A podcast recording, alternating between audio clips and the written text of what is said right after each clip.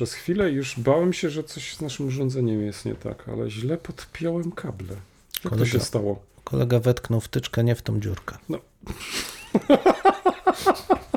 To się zdarza. To się zdarza, to zwłaszcza się jak ktoś zdarza. rano wstaje. Tak, jak ktoś rasza się zdarza. Dwóch historyków, jeden mikrofon. Jeden mikrofon? Dwóch historyków? No nie, ale to znowuż mi wszedłeś w paradę. No tak zazwyczaj się dzieje. Profesor Krzysztof Równiewicz. Profesor Przemysław Wiszewski. Próbujemy nagrywać to, co nas ciekawi, to, co nas kręci, ale zawsze w kontekście historii. No niestety, takie już mamy, że tylko o historii, chociaż czy zawsze na poważnie? No nie zawsze, a przede wszystkim historia to cały świat. To nie tylko to, co minęło, ale też to, co jest teraz. Chcemy pokazać, że w historii można poznawać się w różny sposób. Zdecydowanie w różny sposób i nawet można się nią bawić. Państwo wszyscy widzą, że się uśmiechamy, więc my się też bawimy nieźle. Bardzo dobrze. Dwóch Liczymy historyków, jeden mikrofon. Jeden mikrofon? Historyków. Kolego, ja chciałbym teraz posłuchać, jak ty opowiadasz. Wiesz, ja ci powiem dlaczego. Ponieważ e, raz, że wstałem dzisiaj wcześniej rano. E, Dwa, zaczynam już mylić różne rzeczy. Przed chwilą miałem kłopot z podłączeniem naszego urządzenia, które...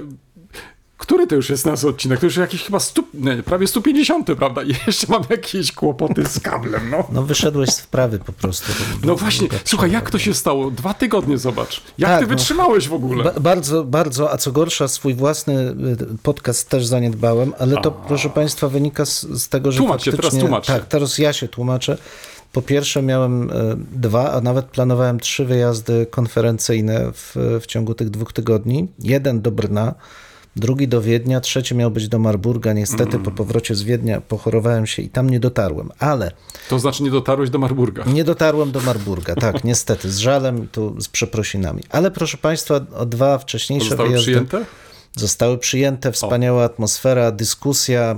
To jest chyba to, co najbardziej lubimy, kiedy możemy spotkać się z ludźmi na naprawdę wysokim poziomie intelektualnym i porozmawiać o tym, co kochamy, czyli o badaniach, badaniach przeszłości w międzynarodowym towarzystwie, bo to, to jest naprawdę ważne, żeby spotkać się w gronie ludzi, którzy reprezentują różne spojrzenia, różne warsztaty, mają różne poglądy na to, co się bada i wymienić się tymi Chcesz tym samym powiedzieć, że nasze konwektykle tak są nudne? Nie, to nie, nie, nie, nie, że aż tak.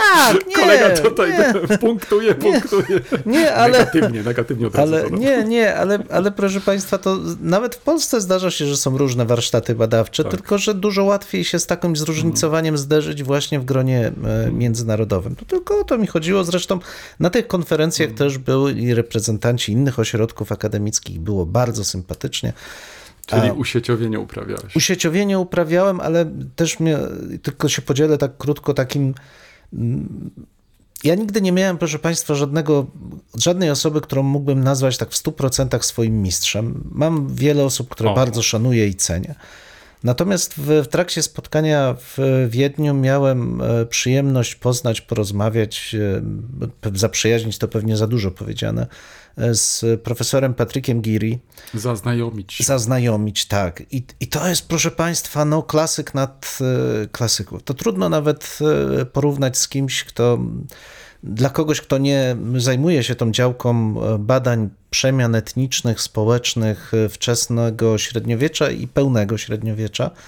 Niesamowicie otwarty człowiek, z dużą zresztą wiedzą o sytuacji w Europie e, Środkowej, bardzo przyjazny i otwarty dla nas. I dla samego tego spotkania z takim człowiekiem uważam, że warto było jechać polskimi kolejami, co nie jest, proszę Państwa, rzeczą bez znaczenia, to jest pewna pokuta. Ale przecież ci mówiłem, e, do Wiednia jedzie się autem z Wrocławia. No ale jednak tu e, wymogi e, e, Uniwersytetu Środkowoeuropejskiego w kwestii kosztów, e, zwrotów i tak dalej są jasne.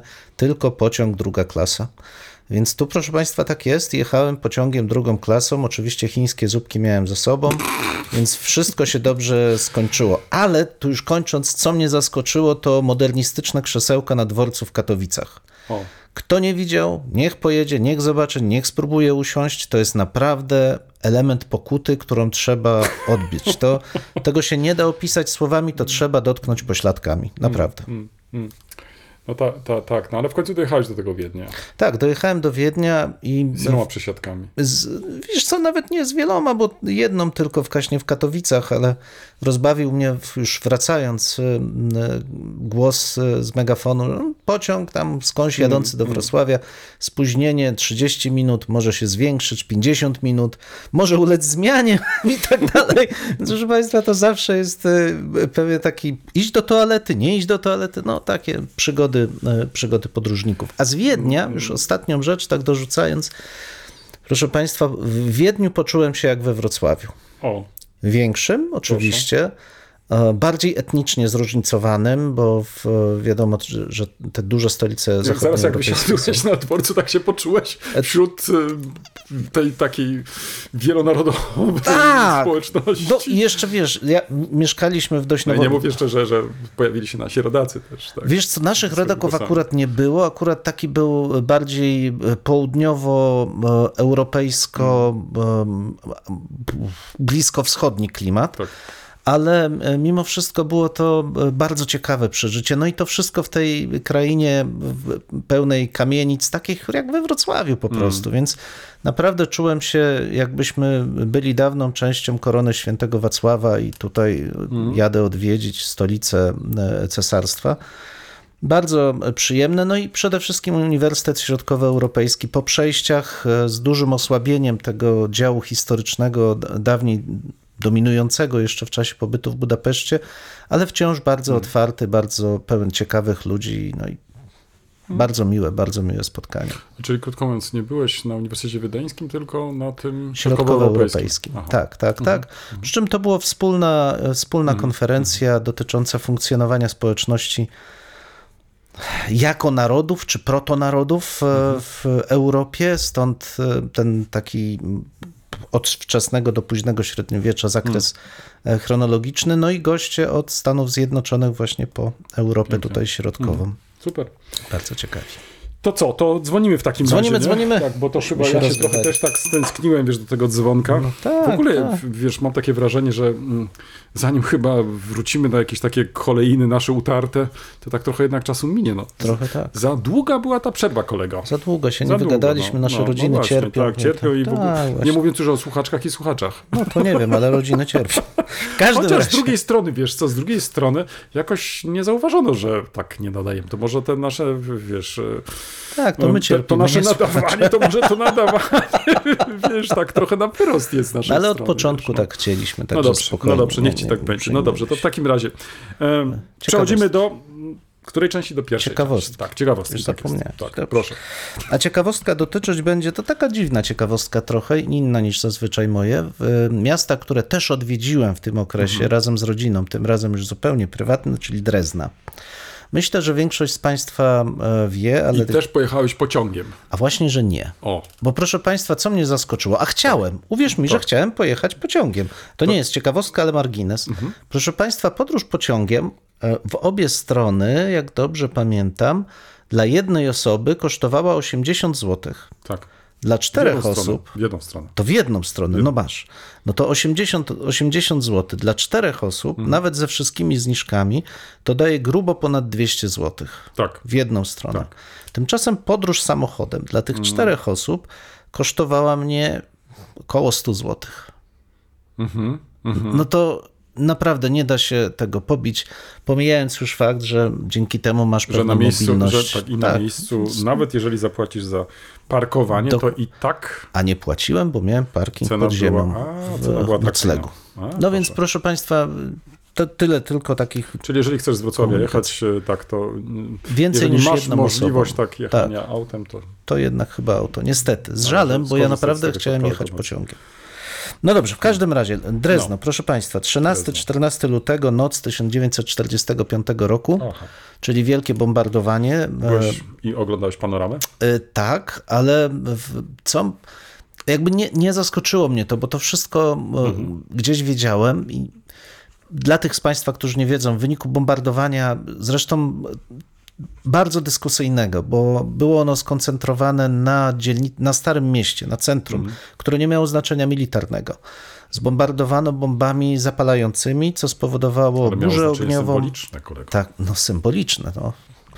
W każdym razie spowodowało to burzę ogniową, która strawiła, jak tutaj e, odczytuję, z 35 tysięcy e, 470 domów e, ocalało tylko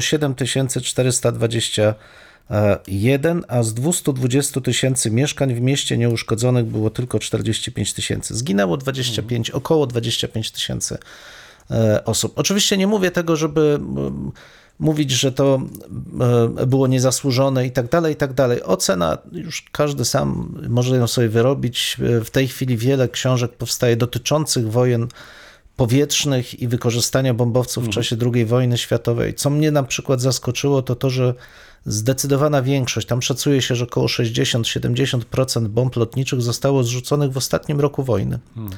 E, W, w trakcie tych masowych bombardowań e, dywanowych. Ale co mnie zaskoczyło, to skala e, odbudowy i sposób odbudowy e, Drezna, bo Drezno w tym okresie nerdowskim oczywiście powoli było odbudowywane, no ale nie ma co ukrywać, do em, pełnego blasku było daleko. Natomiast w chwili obecnej, kiedy e, przemierzamy stare, stare miasto, no to wygląda trochę, przepraszam za to porównanie wszystkich, jak Disneyland. To znaczy, to wszystko jest e, wychuchane, wszystko jest e, piękne, wszystko jest jak nowe. Ba, podwórze Zwingera, pałacu Zwinger, który do tej pory był całkiem ładnym trawnikiem z pośrodku e, z e, fontanną, jest kolejny raz przebudowywane, żeby nadać mu jeszcze bardziej ten historyczny, e, historyczny charakter. Kościół A może zasugerowano się, słuchaj, Wrocławiem i teraz robi się nawierzchnię dostosowaną do w, w. Szpilkostrady, mówisz, Tak, że tak, szpilkostrady. tak, tak. No nie wiem, nie wiem, trudno, trudno powiedzieć. W każdym razie wędrowałem sobie po tym Dreźnie, które pamiętałem jeszcze z czasów... No Ale poszedłeś do galerii, czy nie poszedłeś do galerii? No poszedłem, ale daj mi ciekawostkę powiedzieć. no No, dobrze, w przepraszam. każdym razie. Cicho. To nie ta część. To nie W ta każdym, w każdym razie, proszę Państwa, poszedłem e, do e, e, Zwingera, oglądaliśmy, poszedłem na Stare Miasto i spotkałem tam znajomego, który przyjechał z e, Niemiec e, zachodnich i on taki trochę był bezradny i mówi, że no to miasto jest takie piękne, takie śliczne, tu widać po prostu tą Deutsche Markę, taką, taką wtedy już teraz euro w zasadzie, ale to nie wygląda jak miasto historyczne. No i, i rzeczywiście można by się zastanowić, bo to jest ten dylemat e, odbudowy Warszawy między innymi, e, czy e, Zamku Królewskiego, no, że te zabytki są od, pieczołowicie odbudowywane, bo właśnie są symbolem, są dają poczucie ciągłości, przetrwania, energii człowieka, że się nie poddaje, że się podnosi, że jednak ceni sobie, e, ceni sobie kulturę i ja uważam to za bardzo ważne. Natomiast z drugiej strony, jakby drugim, drugą stroną medalu jest e, zawsze to poczucie, że jest to nieautentyczne i poruszamy się w um, takich trochę teatralnych um, dekoracjach. Do tego stopnia, że może pewnie nie wszystkie, ale część kamienic, które zostały odbudowane, mają odbudowane fasadę, natomiast za fasadą nie ma zachowanych w ogóle przedziałów historycznych. To są zupełnie nowoczesne budynki z nowoczesnymi pomieszczeniami. Nikt nie zachowuje to tam dokładnie wytycznych konserwatorskich, jakbyśmy sobie chcieli dzisiaj to wyobrażać. Zatem wędrując, proszę Państwa, po Dreźnie, a naprawdę polecam, bo przepiękne stare miasto, trzy dni można spokojnie wędrując po galeriach, o których e, wspomniał kolega między innymi. Niekoniecznie handlowych. Nie, nie, zdecydowanie nie handlowych. To akurat odradzam, bo to jednak zupki chińskie są lepsze, ale mimo wszystko. Zaraz, zaraz, wiesz co, to, i, i tym razem zabrałeś zupki chińskie. Nie, tym razem No nie, e, no nie, zabrałem no zupki nie. z winiar, żeby Proszę polską nie, chyba jednak. musimy jakąś zrzutkę tutaj dla kolegi zrobić, żeby podczas już kolejnej swojej wyprawy jakiejś takiej zagranicznej nie robił nam siary, przepraszam, to chyba tak się to określało. No ja, wiesz co, ja już sobie oczyma wyobraźni tutaj, w- wiesz, wyciągasz tę tą zupkę, to, to Ale co, nie w co tam się robiło tak? To się zalewało wodą, Wodą chyba, się czy czym, zalewa, że gorącą, pamiętam z zakrywa czasów wieczko i tak, tam to, psz- taki był początek, wiesz, taki No nie, nie, w galerii tego nie. właśnie... No dobrze, a druga ciekawostka, już, ale taka ciekawostka, już ciekawostka, czy wiesz, że tam Muzeum Higieny jest w Dreźnie od lat? E, Higieny, tak. Tak, w, Tak. w okresie hitlerowskim Rassenkunde Razem, oczywiście. kurde, tak, higieny, ale także i bardzo dobre muzeum e, wojskowości. Tam nie zdążyliśmy być, to przyznaję, ale b- byliśmy w Muzeum Higieny i też Państwu polecam, bo wbrew nazwie to nie jest muzeum tego, jak dbać o czystość i zwłaszcza między palcami, czy tam jest czysto, czy nie, czy się spociło, tylko jest to Muzeum Wiedzy o człowieku, o bardzo szeroko rozumianym człowieku jako istocie e, biologicznej, z tak dużym taktem, ale jednocześnie tak bezpośrednio przemawiającym do wyobraźni nie widziałem, poza chyba londyńskimi Muzeum e, Historii Naturalnej, nie widziałem przedstawionego funkcjonowania e, człowieka. Łącznie z tym, już kończąc tą ciekawostkę, że kiedy mój syn zobaczył poród, jak wygląda naprawdę, to najmłodszy powiedział, że nie chciał tego zobaczyć, natomiast najstarszy przyjął, no rzeczywiście ciężko było. W każdym razie korzenie są oczywiście dawne i mimo tego, że było to przez pewien czas historia Muzeum e, Wiedzy o Rasach, w tej chwili funkcjonuje jako naprawdę nowoczesne, bardzo multimedialne, otwarte na zwiedzających muzeum. Naprawdę polecam. Zatem Drezno to zarówno historia, jak i nowoczesność, wiedza o człowieku. I teraz cię zaskoczę, bo No. faktycznie e, nie umawialiśmy się przed odcinkiem, jakie anegdoty opowiemy. Zacznę od pytania. Czy wiesz, skąd się wzięła nazwa prysznic? tak a propos jeszcze. Prysznic? Prysznic, tak. Tak a propos jeszcze twojej O, uwagi, że Muzeum Higieny nie zajmuje no, się no, no. tylko czystością. No, prysznic, wiesz No. co, nie, deszczownica to bym wiedział, ale prysznic, nie mam Prysznic. pojęcia. A widzisz. Y, Jak to mówią, y, w podróże kształcą kolego. Tak, tak, tak, tak, tak. Więc ja niestety, proszę Państwa, nie miałem tak spektakularnych wypraw jak kolega. Nie, ja nie wiem, czy, czy powinienem to powiedzieć w tym kontekście, że byłem tylko w głuchołazach. Jak tylko, głuchołazy są Tak, piękne. byłem w, w głuchołazach, a to się wzi- wzięło po prostu stąd, że em, odbyłem e, teraz pod koniec e, kwietnia, na początku maja kapitalną wyprawę po powiecie nyskim. Słuchaj, e, po raz pierwszy na zaproszenie pana dyrektora muzeum, któremu w tym miejscu jeszcze raz pięknie dziękuję, em, miałem okazję, wsiadając do przeciekawego wehikułu, takiego na czterech kółkach, wiesz, e, podążyć takimi wertepami, których w życiu nigdy bym pewnie przy innej okazji nie zobaczył. Słuchaj, ale przy, przy tej okazji dowiedziałem się sporo różnych rzeczy, na przykład e, to, jak przebiegały dawne drogi historyczne, które dzisiaj em, często poprzez zmianę układu pól czy własności e, e, w gruntu są niszczone, to znaczy już nie odtwarza się ich, a jedyne co świadczy o tych dawnych drogach historycznych to na przykład kapliczki przydrożne. I tych kapliczek jest bardzo dużo, E, tak więc nawet i sam fakt, e, albo inaczej, albo chęć e, w poznania powiatu śladem takich kapliczek już e, mm, wart jest e, tego. Więc docieraliśmy do takich miejsc, e, bym powiedział, bardzo różnych, do których bez tego wehikułu, bez tego auta nie dałoby rady po prostu dotrzeć. Tak więc poznawanie od tej strony mm, powiatu no, było czymś kapitalnym. No i na koniec, żeby tak już postawić tą kropkę na tym, w drodze powrotnej postanowiliśmy mm, udać się do Głuchołaz i przepiękny rynek, pięknie utrzymany.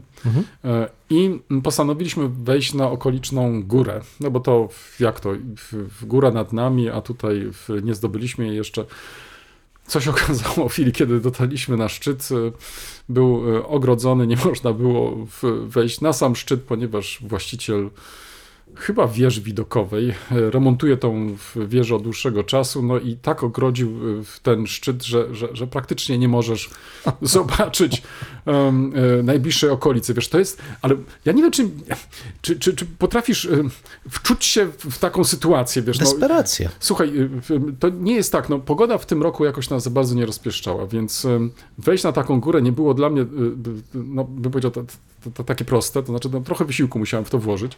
I idziesz, idziesz, wiesz, y, i, i, i, co, i co widzisz? No po prostu na samym szczycie zamiast podziwiać widoki, to, to po prostu masz to wszystko odgrodzone i tak dalej, i tak dalej. Ale nie o tym chciałem e, wspomnieć.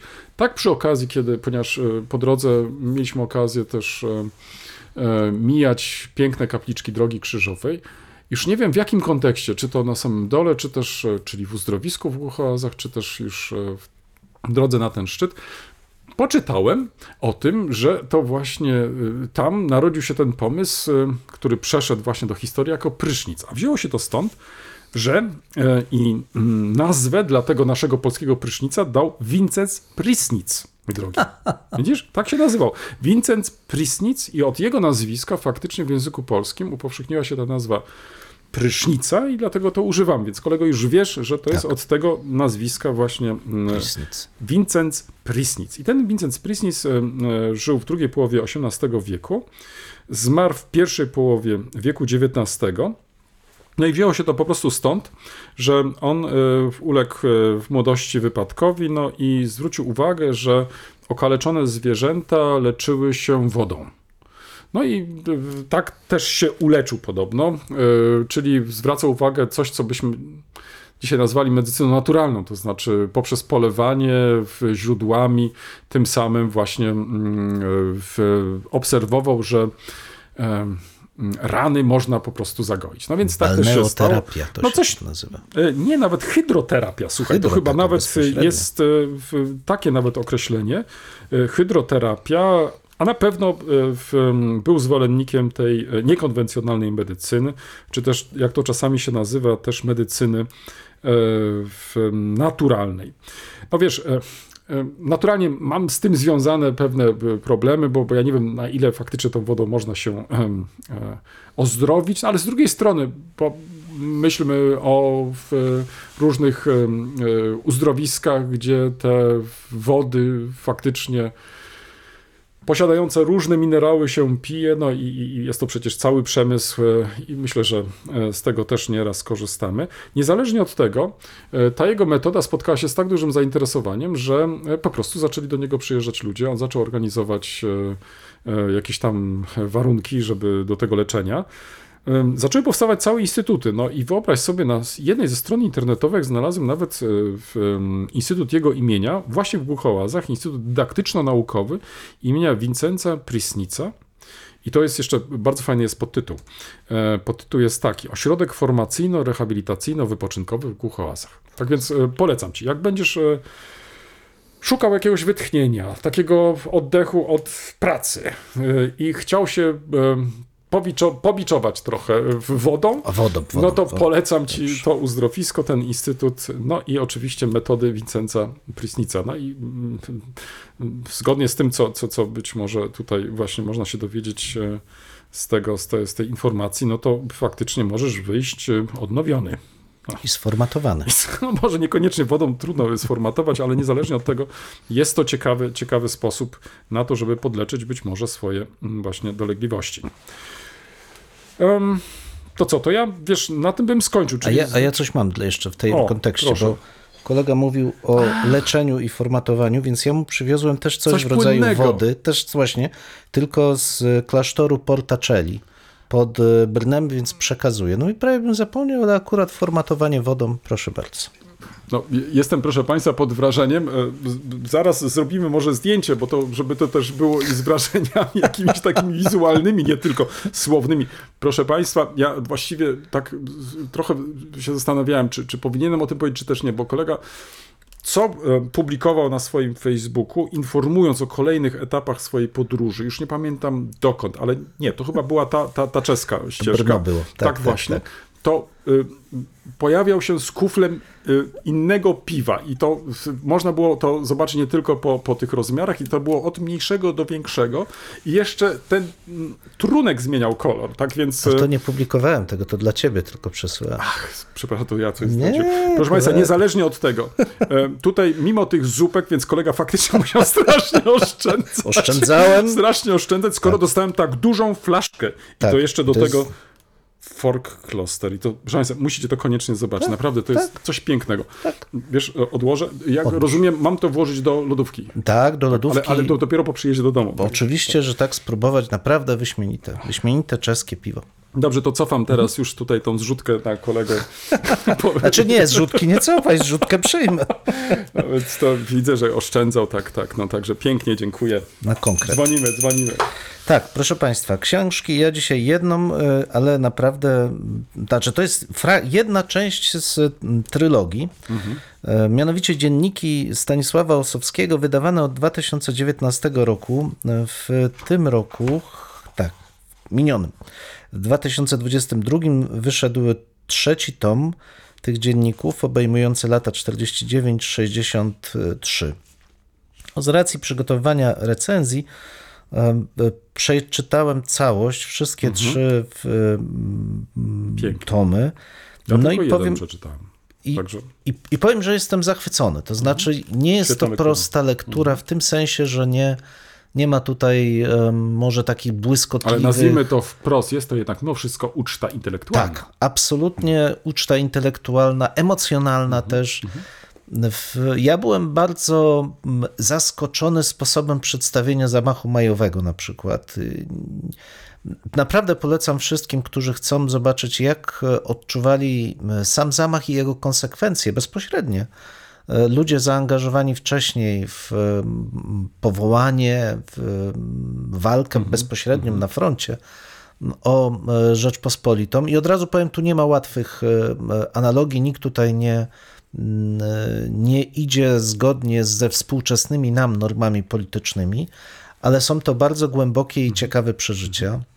Bardzo interesujące w, z tomu drugiego e, opowieść o kampanii wrześniowej. Naprawdę polecam wszystkim, którzy chcą zobaczyć, jak wyglądała oczami naprawdę dojrzałego człowieka, e, dalekiego od sentymentów politycznych też, e, ta kampania. No, Jak, jak bardzo niebohaterska była i bohaterska jednocześnie. Nie, nie ma tutaj, czy nie znajdą Państwo w tych opisach scen batalistycznych. Pojawiają się wspomnienia w zasadzie, no, ponieważ te zapiski były prowadzone na bieżąco, to te wspomnienia są bardzo zwięzłe. Walczyliśmy z czołgami, szliśmy dalej, marsz trwał tyle i tyle. I proszę Państwa, te, dla mnie zaskakujące było zwłaszcza podsumowanie, nie będę zdradzał, w każdym razie sposób, w jaki opisał on ostatnie chwile tej, mm, tej kampanii dla siebie, a złożył, złożył broń jako jeden z ostatnich e, oddziałów e, na terenie m, Rzeczpospolitej. Absolutnie dla wszystkich, którzy chcą zobaczyć, jak to wyglądało w cudzysłowie, powiem naprawdę, bo to jest oczywiście tylko spojrzenie jedno z wielu i warto do tego też tak podejść, ale jak wyglądała ta kampania oczami uczestników, a nie oczami, oczami współczesnych historyków, polityków, entuzjastów, zwłaszcza farby i broni. Trzeci tom jest e, o tyle bardzo interesujący, że dotyczy trudnego okresu 49-63, to znaczy momentu, kiedy przestaje funkcjonować socjologia w Polsce, zostaje zlikwidowana, ponieważ władze komunistyczne e, uważają, że socjologia jest nauką burżuazyjną, więc zostaje wcielona w część do filozofii, część do, e, do historii. Potem odbudowa e, socjologii, ale w tym wszystkim mamy oczywiście przemiany, jakie towarzyszą historii Polski, a więc okres stalinowski, potem okres października i potem okres e, normalizacji czasów gomułkowskich. To nie jest łatwa lektura dla mnie, bo paradoksalnie chyba nie spodziewałem się, że mamy tak wiele podobieństw właśnie do okresu gomułkowskiego. Znaczy do okresu tej e, normalizacji i do tego momentu, w którym, e, w, który tak widać, jak autora, autorowi trudno przychodzi opis tej rzeczywistości, w której ludzie stosują zasady mimikry, to znaczy przyswojenia sobie barw, które są od nich wymagane. Jest taki jeden cytat, y, ale dotyczył on okresu wcześniejszego, w którym stwierdza on, że zmienia się definicja e, prawdy, że prawdą nie jest to, co prawdziwe, tylko prawdą jest to, co, co jest prawidłowe. I jest to coś, co wisi nad tą atmosferą intelektualną całego tego okresu, z wyjątkiem krótkiego okresu października 56 i funkcjonowania przez pewien czas klubu Krzywego Koła, to ten, ten nastrój mm, względności, dostosowywania e, prawdziwości do oczekiwań władz taką ciemną chmurą kładzie się nad wszystkim. I to, co uderza w, tym, e, w tej refleksji Osowskiego, jest ta próba przeciwstawienia się nie emocjami czy, czy słowami, bo tego tutaj nie znajdziemy, tylko kulturą. Znaczy, on szuka innego świata. Często zdarza mu się wyjeżdżać nie tylko do Stanów Zjednoczonych, choć jest to dla niego ważna podróż. On bardzo wnikliwie relacjonuje funkcjonowanie e, społeczeństwa mm, amerykańskiego, nie historię intelektualną, co jest ważne, ale właśnie społeczeństwa amerykańskiego, ale jego podróże także na prowincję, zwłaszcza w Tatry, gdzie widać, że bardzo lubi, lubiał e, przebywa, przebywać, opisywanie relacji góralów z, górali z rzeczywistością, ale wszystkie podróże, także i na Śląsk, gdzie stara się uchwycić tą rzeczywistość e, w jej, e, w jej zróżnicowaniu, jest dla niego jakąś formą stałej ucieczki od tej rzeczywistości e, zinstytucjonalizowanej nauki, która go, która go otacza. Serdecznie polecam. Opracowała Róża Sułek wydanie, wydawnictwo Scholar, wydawnictwo naukowe Scholar, Warszawa 2022 tom trzeci dzienników, ale polecam także zarówno tom pierwszy, jak i tom drugi. Przeczytanie całości mm. pokazuje, jak e, skomplikowanym e, człowiekiem e, był Stanisław Osowski, jeden z twórców polskiej szkoły socjologii. Czy to przypadek, że sięgnąłeś po te dzienniki? Trochę zamówienie społeczne, bo dostałem taką, takie zamówienie mm. od jednego z dzienników na przygotowanie recenzji. Mm ale dotyczyć miało tylko tomu trzeciego, natomiast po przeczytaniu tego tomu trzeciego stwierdziłem, że nie da się niczego mhm. napisać bez przeczytania tomu pierwszego i drugiego. Mhm. Absolutnie nie żałuję, to jest e, łącznie ponad tysiąc stron pewnie będzie, ale jest to naprawdę fascynująca, e, fascynująca lektura, poznawać takiego człowieka, taki format intelektualny, ale i emocjonalny, to jest wielka przygoda. Ale też przyznaj, że tutaj redaktor dużą też hmm. wagę odgrywa, to znaczy te przypisy są bardzo dobrze tak. opracowane, rozbudowane. Tak, tak. One pozwalają nam faktycznie świetnie wejść w ten świat hmm. autora. Tak, zresztą świetny wstęp jest nie tylko pani Róży Sułek, hmm. ale w mhm. pierwszym tomie mamy bardzo ciekawe wprowadzenie pani profesor Koskowskiej, mhm. które pozwala nam zobaczyć sylwetkę intelektualną bohatera.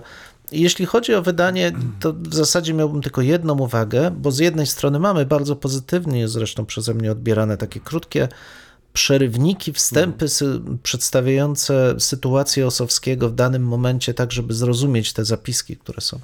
Natomiast e, autorzy, wydawcy zdecydowali się na ujednolicenie e, treści, ujednolicenie ortografii, gramatyki, e, zapisów w obrębie całego dziennika, co uważam za nieszczególnie celowe. Akurat zachowała się spora część e, oryginalnych e, dzienników, nie tylko kopii maszynopisów czy kserokopii, ale oryginalnych dzienników. I według mnie lepszym rozwiązaniem byłoby zachowanie niekonsekwencji gramatycznych, bo one pokazują rozwój człowieka, zmiany, jakie zachodzą w jego zasobie leksykalnym, też rozwój polszczyzny, zmiany mm, polszczyzny. Mm. Tego nie znajdziemy, bo wszystko to zostało ujednolicone, więc moja dusza mediewisty, który jak wydaje źródło, to wszystko musi być tak, jak jest w źródle i ewentualnie w przypisach zmiany się wprowadza, w tym przypadku trochę cierpiała, ale nie zmienia to faktu, że jest to naprawdę dobre wydanie dla historyków XX wieku. Uważam, że lektura obowiązkowa.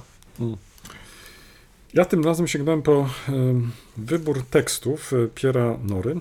Myślę, że specjalnie nie trzeba tego mhm. autora przedstawiać, ale co ciekawe, mało tych jego tekstów mieliśmy po polsku mhm. dotąd. To znaczy, one się ukazywały w różnych miejscach, ale żeby e, w jednej książce jakiś taki wybór, e, jeszcze pokazujący wielowątkowość w działalności tego autora, to raczej nie spotkaliśmy się z czymś takim. No teraz faktycznie tak się stało i trzymam w ręku e, wybór tekstów Piranory pod tytułem Między pamięcią a historią.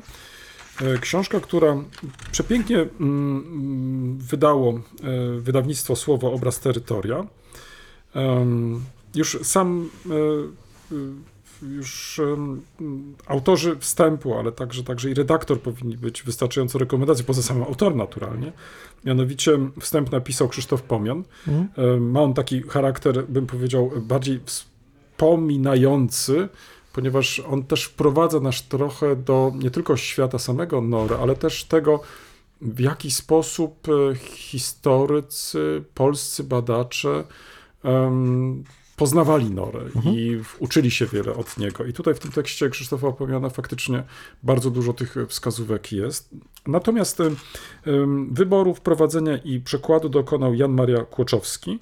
I muszę przyznać, że także jego wstęp jest tutaj dla nas bardzo ciekawy, bo wskazuje na różne zdarzenia z przeszłości, które no, często nam umykają, jak pochodzenie samego Nory, jak e, też e, pewne socjalizacji, tu mówiłeś o mistrzach, także, także i oni tutaj się pojawiają, ale także em, aktywność samego Nory w przestrzeni publicznej, co jest tutaj nie mniej ważne. I bardzo się cieszę, że poza tekstami dotyczącymi pamięci, y, tekstami dotyczącymi miejsc pamięci, ale także i obchodzenia się z tą pamięcią, znajdziesz tutaj teksty, które dotyczą na przykład kondycji uniwersytetu, czy też y, to, co mm, ostatnio nas bardzo interesuje, a podczas naszych rozmów nieraz do tego nawiązywaliśmy, mm, jednym z autorów y, apelu z Blue'a jest Pierre Nora. Chodzi tutaj o wolność nauki i y, myślę, że także i w kontekście dzisiejszych naszych dyskusji warto do tego w końcu ważnego tekstu e, wracać y, i go sobie przypominać. Tak więc e, w opisie do naszego odcinka chętnie raz jeszcze zamieszczę link do tego apelu, taka, żeby go e, po prostu e, odświeżyć. I te teksty, które tutaj są zebrane, one nam po prostu pozwalają wejść w świat człowieka, który bardzo e, świadomie zaczął wpływać na sposób postrzegania e, Francji przez Francuzów. To znaczy, e,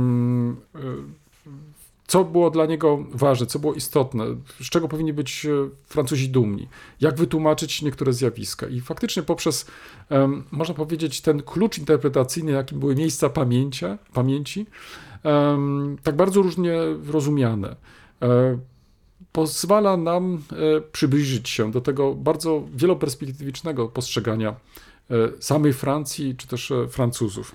Tak więc e, te teksty, które tutaj się znalazły, e, myślę, że są e, świetnie dobrane i pozwalają e, czytelnikowi polskiemu, który w końcu no, niekoniecznie zna język francuski, może aż tak e, e, płynnie, żeby móc e, te opasłe tomiszcza e, czytać swobodnie, to jednak myślę, że jest to świetna lektura, która może go zachęcić właśnie, żeby chociażby uczyć się tego e, języka.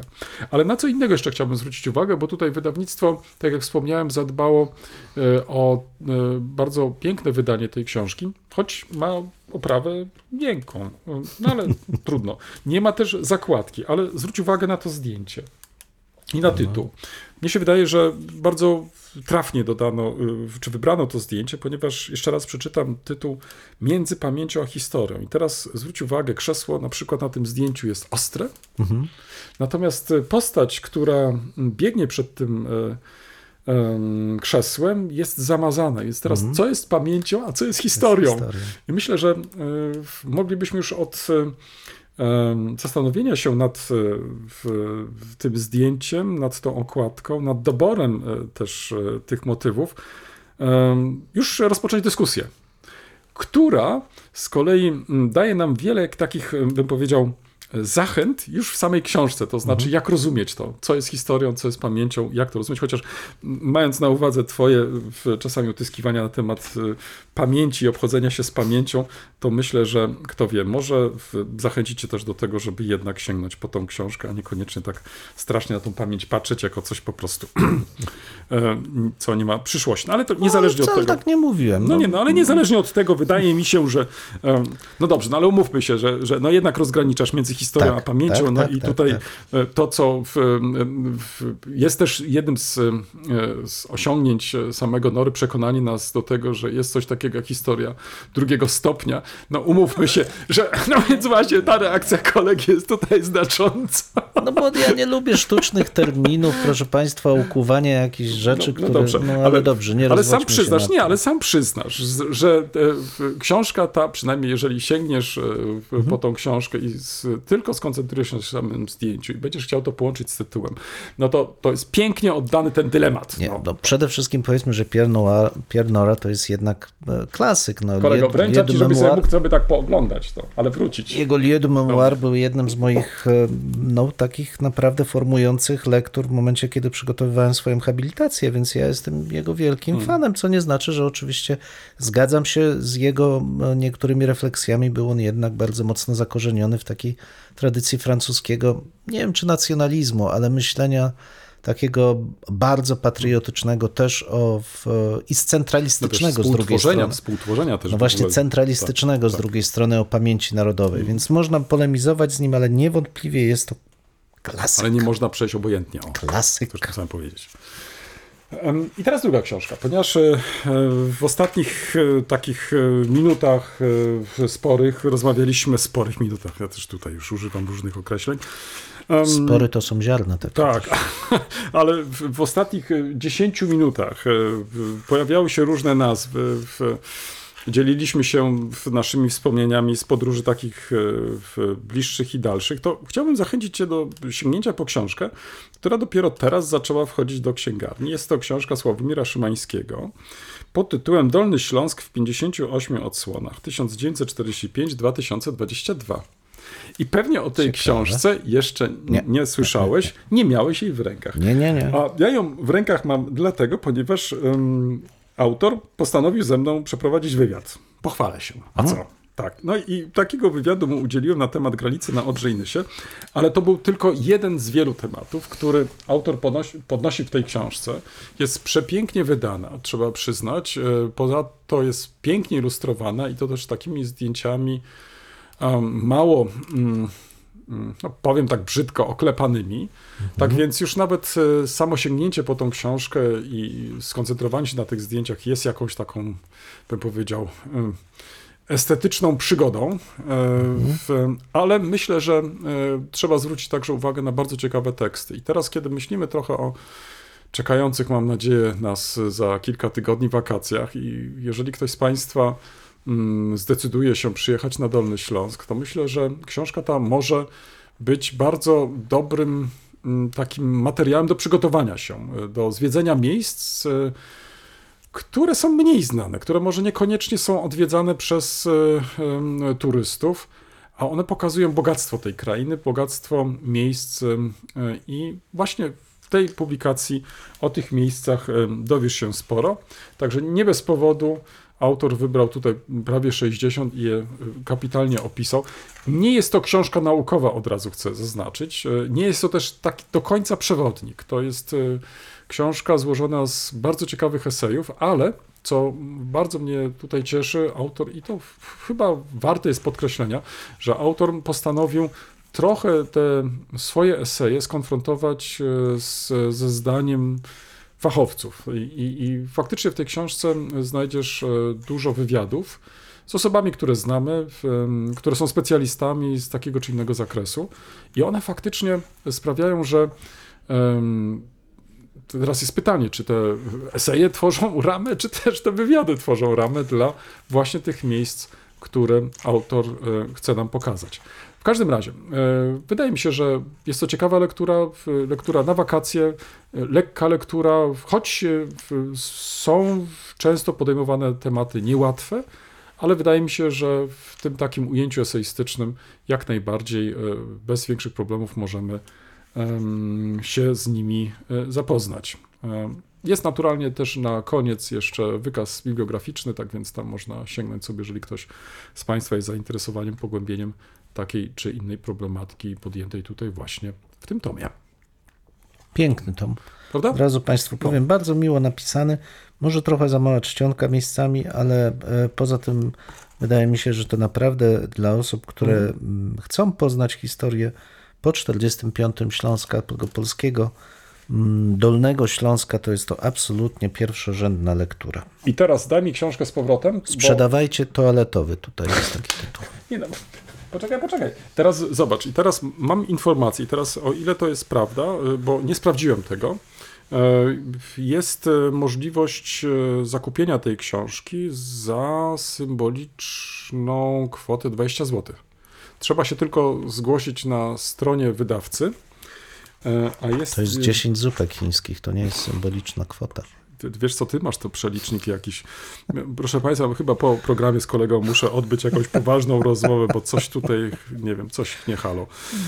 W każdym razie tak, wydawcami Ośrodek Kultury i Sztuki we Wrocławiu oraz Agora S.A. we Wrocławiu.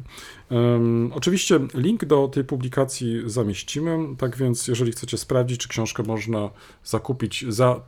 Ile tych zupek powiedziałeś? 10? za 10 zupek, to to jest, proszę Państwa, alternatywa. To znaczy tak, no, będziecie głodować przez ile dni? No tak, ze trzy, nie? To Bo ze to trzy, jedno tak. śniadanie, obiad, kolacja. Ale za to obiecuję Wam, otrzymacie kawał dobrej lektury. Słuchaj, i ostatnie odkrycie. Ostatnie odkrycie, e, mianowicie, nie wiem, czy miałem Ci okazję e, opowiadać w kontekście w, w losów Polaków w Niemczech, że bezpośrednio po II wojnie światowej e, wraz e, z przybyciem oddziałów polskich e, do Niemiec, początkiem okupacji Niemiec przez wojska e, koalicji antyklerowskiej, w strefach zachodnich zaczęły powstawać tak zwane polskie enklawy. I one funkcjonowały sobie przez, przez kilka lat. Jedna z nich, ta najbardziej znana, Maczków, e, od e, mm, generała Maczka wzięła nazwę. Cała ludność niemiecka została dosłownie z dnia na dzień wysiedlona z miasteczka Haren i tam wprowadzili się e, Polacy, no i przez kilka lat tam mieszkali. I pamięć o tych Polakach e, po latach e, no, nie była taka zbyt pozytywna. No, em, ja się trochę też nie dziwię, chociaż z drugiej strony mm, no, może taka większa refleksja ze strony tych byłych mieszkańców Haren by się pewnie też przydała e, w, w tym kontekście. No niezależnie od tego, od kilku lat e, e, sytuacja zaczęła się zmieniać. To znaczy w mieście dojrzała taka myśl, że warto jednak przypominać także i o tym e, okresie bezpośrednio powojennym w dziejach e, miasta. No i postanowiono stworzyć e, mm, instytucję. Taką instytucję stworzono. Słuchaj, wyobraź sobie, że w dawnym młynie otwarto kapitalną wystawę, która jest poświęcona tym polskim dziejom Haren, czyli Maczkowa. I przed sobą mam katalog. Dwujęzyczny, polsko-niemiecki. Haren, Maczków 1945-1948. I już tutaj w tłumaczeniu. Dwa spojrzenia na miejscowość Haren w rejonie Emsland po II wojnie światowej.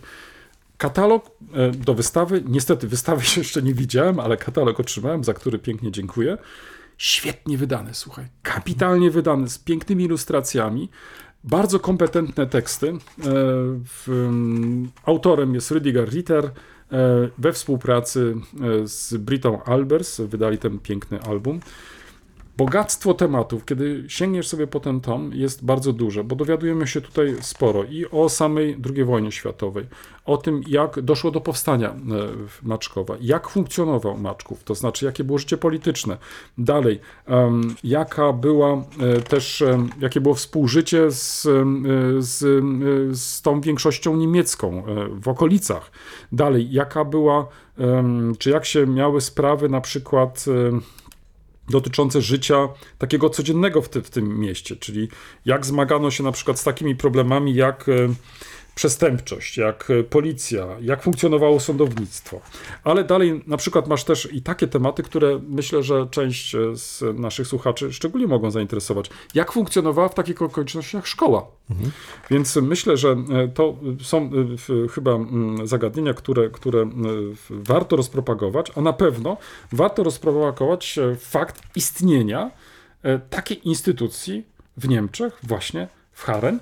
I co być może jest nie mniej ważne, kiedy nawiążemy jeszcze do Piera Nory i do jego tej idei w miejsc pamięci, to w Niemczech pojawiło się nowe miejsce pamięci o historii e, polskiej. Polski. Tak, proszę cię bardzo. I żeby nie było niejasności, ja bym sobie życzył, żeby e, w, i inne e, miejscowości, mniejsze lub większe, zwróciły baczniejszą uwagę w, w, i zastanowiły się, czy na przykład u nich nie można byłoby takich e, instytucji stworzyć, popularyzujących e, właśnie wiedzę o, no w końcu jakby nie patrzeć, takich złożonych czasach. No a przede wszystkim, co jest dla mnie ważne i cieszę się, że, że ten katalog e, i tak obszerny się ukazał, ponieważ e, to trochę jest do dzisiaj też walczenie z tymi pewnymi uprzedzeniami, które jeszcze funkcjonują w tych społecznościach i pokazanie, kim byli tak naprawdę ci ludzie, którzy po 1945 roku, przecież w końcu nie z własnej woli, pojawili się właśnie w tym ich mieście i nawet jeżeli to było związane z wypędzeniem dotychczasowej ludności niemieckiej, no to być może łatwiej jest teraz e, trochę zrozumieć tą motywację, to znaczy e, bardziej zrozumieć też może pewne decyzje, które wtedy właśnie zapadały, e, no albo przynajmniej szerzej spojrzeć na, na, na ten problem. No ja bym sobie naturalnie też życzył w przyszłości, ażeby ten temat znalazł się na przykład w podręcznikach szkolnych, przynajmniej Oczywiście. tych, które na przykład są używane w tym landzie e, i e, żeby e, młodzież e, miała okazję e, poznać także i historię polskiego Haren sprzed lat, czyli Maczkowa. No swoją drogą tak pomyślałem, czy, czy my O, dziękuję. Czy my dojrzeliśmy e, z kolei, żeby przygotować podobną wystawę, oczywiście w innych kontekstach, Mm. ale dotyczącą Małej Moskwy, czyli Legnicy na przykład. Mhm. O, widzisz. To jest e, no, przecież temat, sytuacja Tak. równie trudna, co najmniej równie trudna, a, a przecież Legnica e, no, przez kilka dekad była miastem garnizonowym na ogromną skalę, gdzie cała dzielnica miasta, zresztą najładniejsza swego czasu, była zajęta przez Armię Czerwoną, przez sztab Północnej Grupy. To może takie plany, słuchaj, powstają, o czym nie wiemy.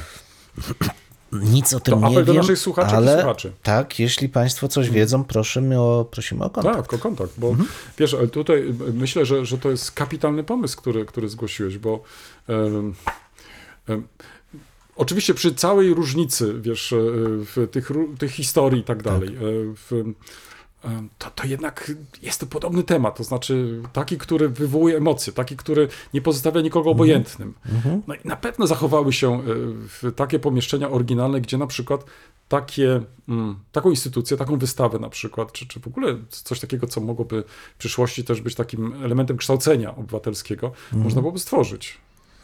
Absolutnie. Żeby nie przekreślać że- historii, tak, tej części tak, historii tak, miasta, tylko wręcz odwrotnie, pokazać, że to może być też szansa, żeby pokazać, jak e, złożone to były losy e, miasta, ale jego, także jego mieszkańców. Absolutnie. Zresztą do dzisiaj Hmm. przecież wiele osób mieszka w tej chwili już na tych obszarach po dawnym e, garnizonie radzieckim. Podobnie jak w Haren. Hmm. Nie tylko zamieszkują stare budynki, ale też powstały tam całkiem nowe dzielnice. Tak. Więc jest to naprawdę bardzo żywa część przeszłości Legnicy, o czym pewnie będę niedługo dyskutował na spotkaniu w tymże mieście, o którym Państwu opowiem po powrocie. Czyli mamy zapowiedź kolejnego spotkania z kolegą. Boże, tak, tak, ty tak, to tak. masz napięty program No, spotkań. Właśnie muszę trochę skończyć z jeżdżeniem, tak się rozjeździłem. Ale proszę Państwa, właśnie dzisiaj mieliśmy rozmawiać o w, wspomnieniach, o tym, jak e, wspomnienia kształtują wyobrażenia o historii. Przyznaję się sam, że ja to zaproponowałem właśnie pod wpływem dzienników e, Stanisława Osowskiego, bo uderzyło mnie, o czym już wspomniałem, to przedstawienie, zwłaszcza kampanii wrześniowej. Naprawdę zachęcam wszystkich Państwa do przeczytania tego. Miejscami beznamiętnego mogłoby się e, wydawać, ale niezwykle realistycznego opisu, który krańcowo odbiega o naszych, e, od naszych wyobrażeń, takich, które wynosimy, tak jak patrzę po moich dzieciach, nawet w tej chwili z, ze szkoły, ale też które są przedstawiane w ramach tfu polityki historycznej, jaka funkcjonuje nie tylko w, w ramach rządów obecnej partii, ale też i w e, tej swoistym obrazie przedstawianym po 1989 roku, ale i wcześniej. No i teraz pytanie, e, w jaki sposób rzeczywiście szanujemy tą pamięć, którą przekazują nam ludzie przygotowujący te e, dzienniki. Ja nie mam wrażenia, żeby żeby obraz historii XX wieku został ukształtowany, nie mówię już tylko o Tłosowskim, bo przecież i Naukowska, i Konopnicka, tych, tych dzienników wad, tych dzienników em, zachowało się naprawdę sporo. e, na, naszej elity intelektualnej, nie mówiąc już o tych dziennikach, które powstawały Myślisz o Naukowskiej chyba, nie, nie Kotownicy. o Naukowskiej, tak, ale m, o też e, tych dziennikach, które powstawały w, na specjalne zamówienie, Tak. kiedy Konkursy i tak, tak, dalej. nie? konkursy, kiedy e, ludzie też z tych niższych grup, warstw społecznych, jak wcześniej mówiono, przygotowywali swoje wspomnienia dotyczące okresu powojennego, czasami też okresu wojennego. Badania socjologiczne na tej podstawie były prowadzone, ale potem te dzienniki też w części były wydawane. Więc ogrom tych wspomnień cały czas e, funkcjonuje, ale powiedz mi, czy ty w swoich, bo to jest twoja działka, ty w swoich badaniach widzisz, żeby rzeczywiście te dzienniki, te ego, dokumenty oddziaływały na wyobraźnię historyczną? No wiesz, y, to, to pytanie nie jest takie y, bardzo proste, bo najpierw użyłeś tego ładnego określenia ego dokumenty. Wcześniej mówiliśmy o Pierze Noże i też ce- to on jest też tym jednym z współtwórców właśnie tego określenia ego dokumenty, czyli coś, co wytwarzamy jako jednostki. Oczywiście możemy się teraz kłócić, y, czy, czy, czy także społeczeństwa mają swoją pamięć, reprezentują pamięć, ale to na razie zostawiam. Na razie myślę tutaj o naszej jednostkowej pamięci. Oczywiście w chwili, kiedy źródła, nazwijmy to te y, urzędowe y, milczą, to w, wciągamy em, wspomnienia, relacje, ponieważ w ten sposób możemy zapisać karty historii, to znaczy uzupełnić, cały czas podkreślając, że to jest być może tylko jednostkowy punkt widzenia, że to nie jest może tego nie można w, jakiś, w żaden sposób uogólnić, to znaczy potrzebujemy dodatkowych jeszcze e, potwierdzających może takie czy inne mm, wydarzenia, y, relacje, ażeby dopiero z większą pewnością y, stwierdzić, tak, to właśnie tak, tak było, czy też ewentualnie tak to widziano, czy też postrzegano. Więc powiem Ci tak, że w, gdybyśmy na jednej szali mieli postawić źródła aktowe, a na drugiej stronie, po drugiej stronie te źródła y, indywidualne wspomnienia, no to jednak y, myślę, że w pierwszej kolejności sięgalibyśmy po te źródła aktowe, e, urzędowe i tak dalej, ponieważ w, ten sposób jesteśmy też, jakby to powiedzieć, wykształceni, to znaczy to dla nas jest to, to pierwsze jakieś takie właśnie e, źródło, co wcale nie oznacza, że także mamy tendencję odwrotną, to znaczy dla niektórych to właśnie poznanie pewnych motywacji, poznanie, e, nawet jeżeli pewne fakty się nie zgadzają, e, bo tak je zapamiętano, a nie inaczej, to też jest ważne, w jaki sposób chce się pamiętać, lub też co się chce pamiętać. I to staje się też naturalnie przedmiotem e, badań, ponieważ dla nas jest też rzeczą ciekawą, e, jak na różnych etapach e, coś się pamięta, albo o czymś się zapomina. Także to zapominanie lub też niedopowiedzenie jest dla wielu równie ważne, jak to, o czym się pamięta. I dlatego mnie się wydaje, że e, nie stawiałbym może tutaj e, tak ostro e, w tej konkurencji tych różnych źródeł, tylko raczej bym tra- traktował to jako pewne dopełnienie. To znaczy, bardzo się cieszę, że te właśnie ego dokumenty w Polsce, zwróć uwagę, ale myślę, że generalnie możemy powiedzieć też o Europie czy świecie, one się cieszą jednak nadal wielkim e, powodzeniem. No wystarczy przecież wejść do pierwszej lepszej księgarni, nie tylko w Polsce, ale też za granicą, to zobaczysz, że całe półki właściwie wypełnione są czy to biografiami, czyli to, co już zostało napisane na, pod, e, na temat takich czy innych e, postaci historycznych. I to niekoniecznie z pierwszego rzędu, także tych drugo- czy trzeciorzędnych, e, ale oprócz tego masz bardzo duży dział, który dotyczy czy dzienników, czy wspomnień, czy zbiorów wspomnień i tak dalej, i tak dalej. I mnie się wydaje, że mm, możemy mówić tutaj o specyfice też tego gatunku, bo zwróć uwagę, że to nie jest przecież ograniczone tylko do Europy. Z takimi przy- przykładami mamy do czynienia zapisu na przykład losów w- także w krajach azjatyckich, gdzie to odgrywa przecież znaczącą rolę, to znaczy ta pamięć, która jest przekazywana, można powiedzieć, potomnym, jest e, takim dowodem na to, że my byliśmy, to znaczy, że e, w jakiś sposób zapisaliśmy się tutaj właśnie w tej historii i tak dalej, i tak dalej. Więc e, myślę, że jako źródło jest to naturalnie ważne, natomiast inną sprawą jest, co my robimy z tymi źródłami i teraz jak się z nimi obchodzimy. I tutaj mnie się wydaje, że ten okres, nazwijmy go tak umownie, komunistyczny, w jakiś sposób mm, przekonuje nas, że nieraz, i dlatego cieszę się bardzo, że mm, często e, stare wydania wspomnień dzienników są ponownie wydawane, ponieważ okazuje się, że były cenzurowane, że em, być może udało się znaleźć jeszcze jakieś dodatkowe e, części, które na przykład nie znalazły się w tych krytycznych wydaniach i tak dalej, i tak dalej.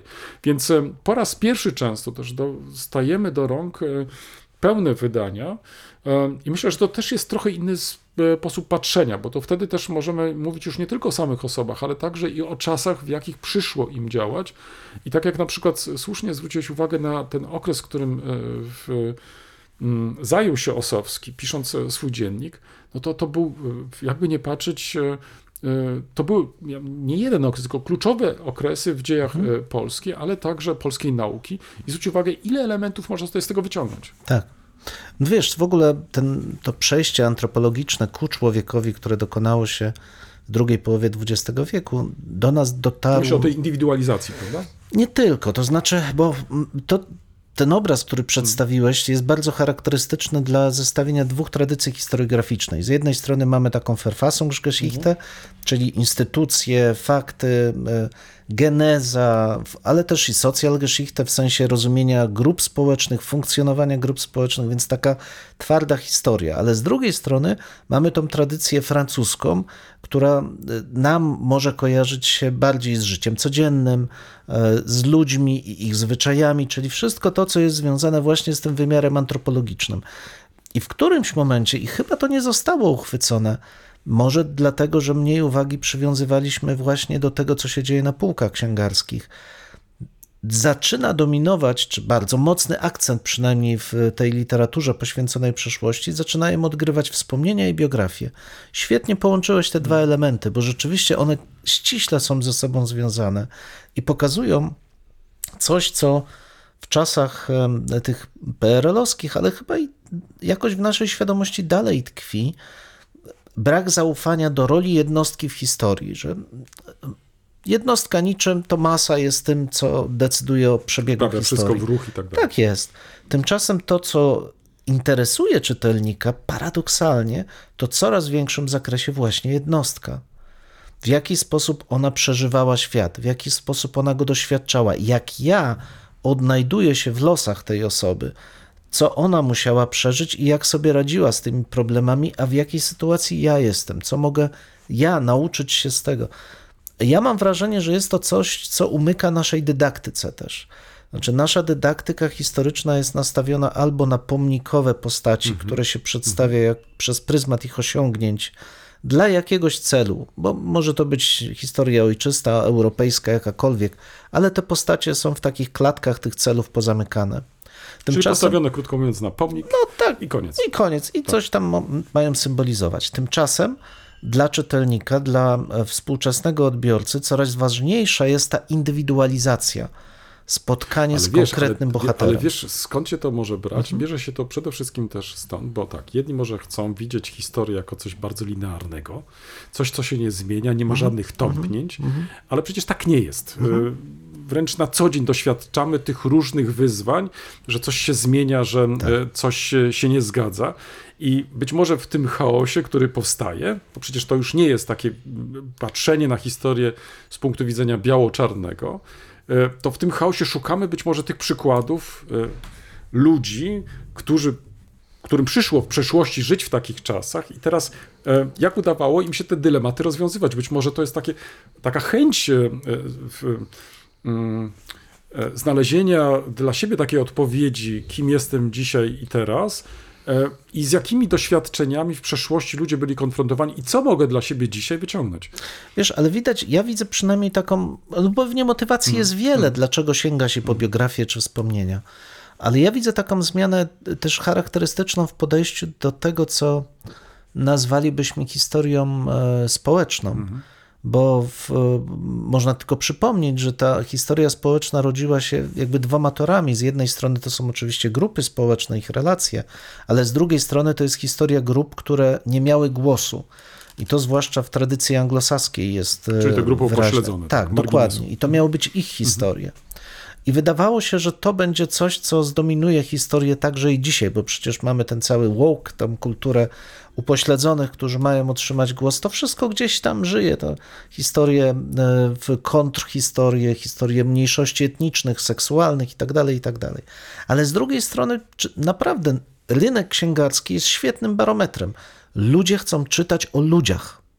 I tak jak chcieli wcześniej czytać o przykładach życia grup społecznych, to życie codzienne. Przecież ta seria w latach 80. to był Ale hit. wiesz, ale właśnie, ale widzisz, do tego zmierzałem, że właśnie ta, ta indywidualizacja życia, czyli tak naprawdę ja teraz wszystko biorę w swoje ręce i ode mnie to zależy, Tak, czyli teraz tak, nie od tak, grup, tak. od narodów i tak dalej, tylko tak naprawdę są to dylematy, z Tak którymi ja jest. muszę sobie jakoś poradzić. Dlatego to poznawanie tych jednostkowych losów właśnie w różnych okresach, Mhm. y, w którym przyszło tym bohaterom działać, no może być takim dla nas y, mm, takim wskazaniem, jak my możemy postępować Tak.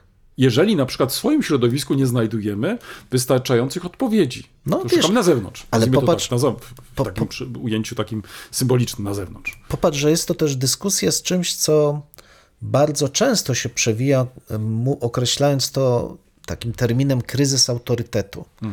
Że z jednej strony możemy mówić, ok, kryzys autorytetu, a z drugiej strony ludzie szukają tego autorytetu, właśnie czytając te biografie. Kolego, przed chwilą powiedziałeś kilkadziesiąt minut temu, nie miałeś swojego mistrza. Tak, tak. I ubolewasz z tego I powodu. ubolewam, dokładnie tak. Znaczy, wiesz, no jestem też wychowany w pewnej tradycji intelektualnej. Nie? Wiadomo, że każdego mistrza najpierw się wynosi na piedestał, potem się ściąga na dół, bo, dostrze- bo to jest etap dojrzewania. To nic w tym złego. Wiesz, ale ja jestem na etapie takim, że mojego mistrza, chociaż nie, ja nie powiem, że nie miałem mistrza, ale mojego mistrza teraz potrafię lepiej zrozumieć. Może za szybko go strącił. No więc tak właśnie powiem. kwestia lat. Ale tak czy siak, wracając Tak, do tego rację, to jest, wszystkiego. to widzisz, i- ten element czasu również trzeba uwzględnić. Tak, że i mimo wszystko, my, być może jest to też jakiś odblask z drugiej Mm. strony, tak jak wspomniałeś, tej indywidualizacji kultury celebryckiej też takiej trochę, Mm. że ludzie starają się znaleźć tych celebrytów czasów minionych, ale przecież nie tylko. Zobacz, Że staliśmy czytają- się podglądaczami. No, troszkę tak, nie? Z, Dokładnie, to też jest element no, specyficznej przemiany kulturowej, ale to tylko pokazuje, jak wielkie znaczenie, ja tylko tak wrócę sobie nagle, mają właśnie ego dokumenty. Bo biografie to jest jednak część interpretacyjna. Ktoś opisuje czyjeś życie.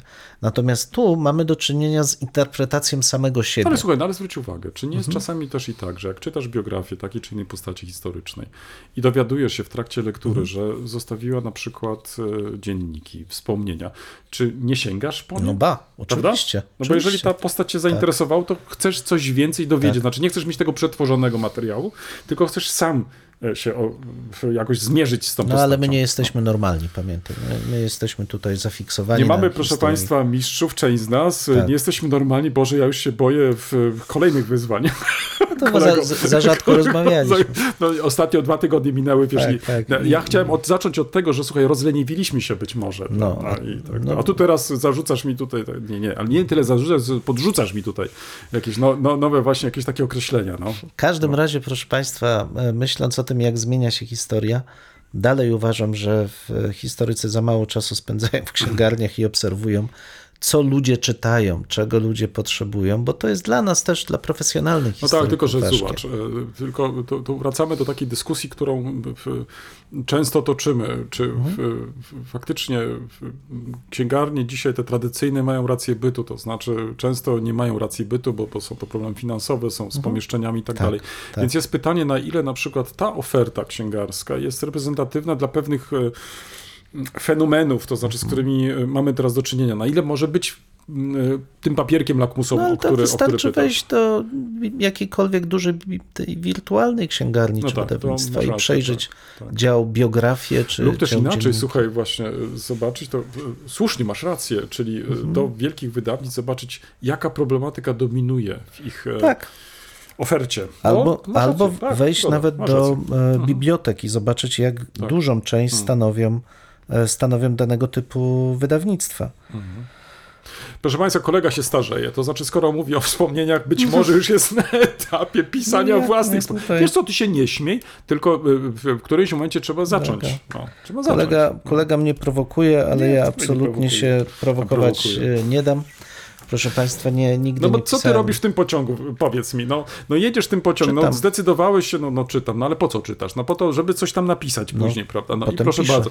I dlaczego nie możesz być tym takim obserwatorem z boku, e, to znaczy tego, który czyta i który pisze, ale jeszcze o tym e, donosi? No bo, E, proszę Państwa, już nie pamiętam, czy to Seneca napisał, że czasy są złe, bo wszyscy piszą książki. Tak.